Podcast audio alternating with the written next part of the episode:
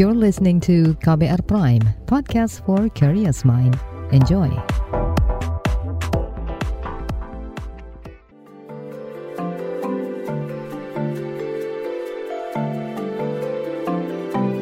Saga, cerita tentang nama, peristiwa, dan fakta.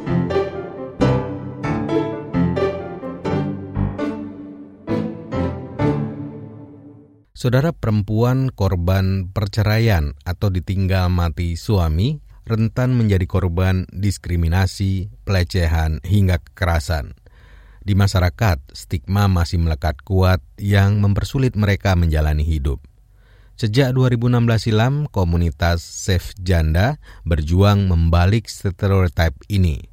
Jurnalis KBR Nini Yuniati berbincang dengan anggota dan pengurus Safe Janda tentang kiprah mereka. Kita simak bersama Astri Yuwanasari. Di IG, di Facebook, itu semuanya masih menjurusnya ke uh, open BO gitu loh. Terus Itulah pengakuan Bertin Tiara saat ditanya tentang kehidupannya sesudah bercerai. Sejak resmi berstatus janda pada Maret 2020 lalu, banyak laki-laki yang mendekati. Tak sedikit yang mengarah pada pelecehan seksual.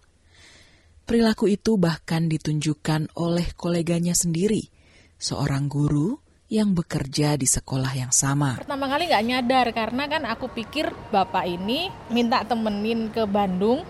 Dia kan bapaknya udah udah mau pensiun lah ya. Terus nggak kuat nyetir jarak jauh gitu loh. Nah aku pikir cuma nganterin tok terus dia ketemu sama temen-temennya gitu. Setelah ajakan kedua kayaknya waktu baru oh berarti itu maksa ngajakin itu. Karena dia langsung ngomong mau berapa? gitu loh. Nah itu baru nge oh, mau berapa? Akun media sosial Tiara juga diserbu pesan dari pria yang ingin berkenalan. Ada juga yang memakai akun palsu dan diduga bermaksud menipu. Untungnya, warga Bekasi kelahiran Yogyakarta ini sigap memilah ancaman di jagat maya. Aku juga nggak ngerti ya, kenapa setelah ketok palu itu banyak cowok yang akhirnya DM DM itu minta kenalan. Kalau yang di Facebook itu malah um, ngajakin nikah. Tinder pakai Tinder cuma seminggu. Para tetangga di lingkungan sekitar rumahnya pun kerap menggunjing tentang status janda Tiara image-nya janda kan perempuan gampangan gitu loh kalau image-nya tetangga-tetangga yang lain gitu. Jadi kalau pas aku bawa temen cowok datang ke rumah itu mereka pasti mandangnya oh dasar gatel, nakal gini gitu. Tetangga yang deket ya, tetangga yang deket tuh bilang dianggap selingkuh mbak cerai itu. Oh berarti bukan dari pihak laki-laki yang selingkuh tapi aku yang dianggap selingkuh iya gitu. Perempuannya yang selalu salah dianggap Saking lekatnya stigma janda, Ibu Tiara menyarankan tidak usah menikah lagi. Kalau nggak kalau nggak nikah dianggap nggak laku, kalau nikah lagi dianggap doyan kawin. Udah itu. Tiara sedikit banyak terbantu menjalani hidup barunya usai bergabung dengan komunitas Safe Janda. Ibu satu anak ini menjadi anggota sejak April 2020 atau sebulan setelah resmi menjanda. Di komunitas itu, ia bisa berbagi pengalaman dan saling menguatkan dengan para janda lain. Tiara juga dilatih menulis cerpen sebagai salah satu sarana pemulihan diri atau self-healing. Oh ternyata ada loh yang masalahnya lebih berat dari aku. Sedih boleh tapi jangan terus-terusan. Kalau yang masalahnya yang lebih berat dari aku bisa kok, masa aku enggak Kini Tiara ingin fokus menata hidup dan membesarkan anak semata wayang. Ia butuh kerja ekstra untuk menjalani peran barunya. Beban berat itu bisa terasa lebih ringan ketika lingkungan sekitar bersikap adil terhadap janda. Dikira kalau kalau janda itu terus mauan terus dikasih duit mau gitu kayaknya. Padahal kan enggak gitu. Malah ibu-ibu tunggal itu perjuangannya berat banget kan. Udah dari sakit hati dengan pernikahannya yang lama belum sembuh dengan orang lingkungannya yang kayak gitu. Kalau punya anak harus gedein juga itu. Terus cari uang juga itu yang berat. Situasi yang dialami Tiara rupanya belum beranjak jauh sejak Mutiara Pruhuman mendirikan Safe Janda pada 2016 silam. Persepsi bahwa janda itu aib, hina, dan memalukan masih sulit dibongkar. Imbasnya ikut dirasakan Mary Silvita, koordinator advokasi di Safe Janda. Padahal ia belum pernah menikah. Keluarga Mary sendiri kerap memintanya keluar dari komunitas itu. Ia sudah aktif di sana sejak akhir 2018. Iya, kamu tuh nanti disangkain orang janda gitu. Ya nggak apa-apa, walaupun dianggap janda juga nggak apa-apa lah gitu.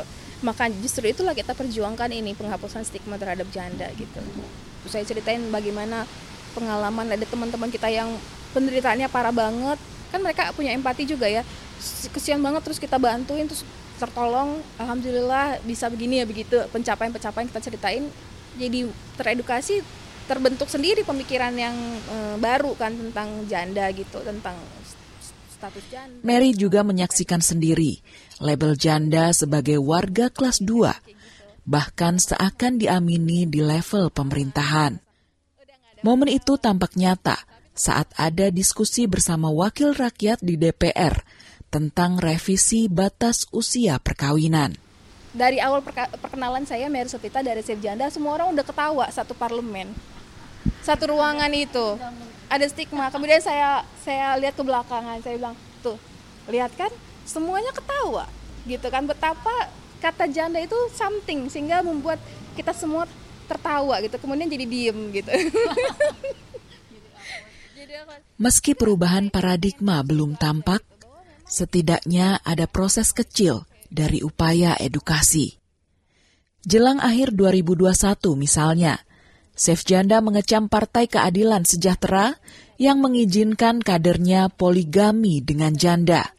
Protes ini mendapat dukungan publik sehingga parpol tersebut minta maaf. Dicabut jadi publik juga melihat bahwa mempo, eh, apa poligami, seruan poligami apalagi terhadap janda itu bukan suatu seruan yang baik gitu. Perempuan janda itu tidak perlu dikasihani, tidak perlu diselamatkan dengan poligami gitu.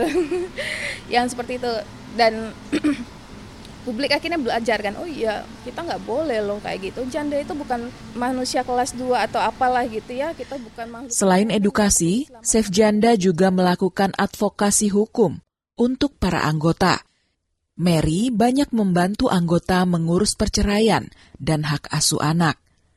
Ke depan, edukasi dan advokasi itulah yang bakal digarap Safe Janda. Tujuannya tetap sama, yakni menghapus stigma buruk terhadap janda. Semua perempuan berpotensi jadi janda setelah menikah. Kalau dia tidak meninggal dunia lebih dulu gitu. Pantas atas dasar apa perempuan dengan status jandanya itu pantas untuk dilecehkan gitu atau pantas direndahkan.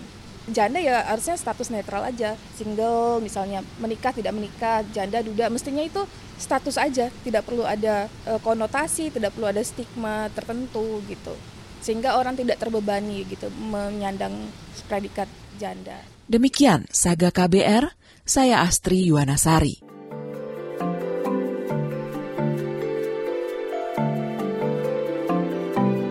Saga, cerita tentang nama, peristiwa, dan fakta.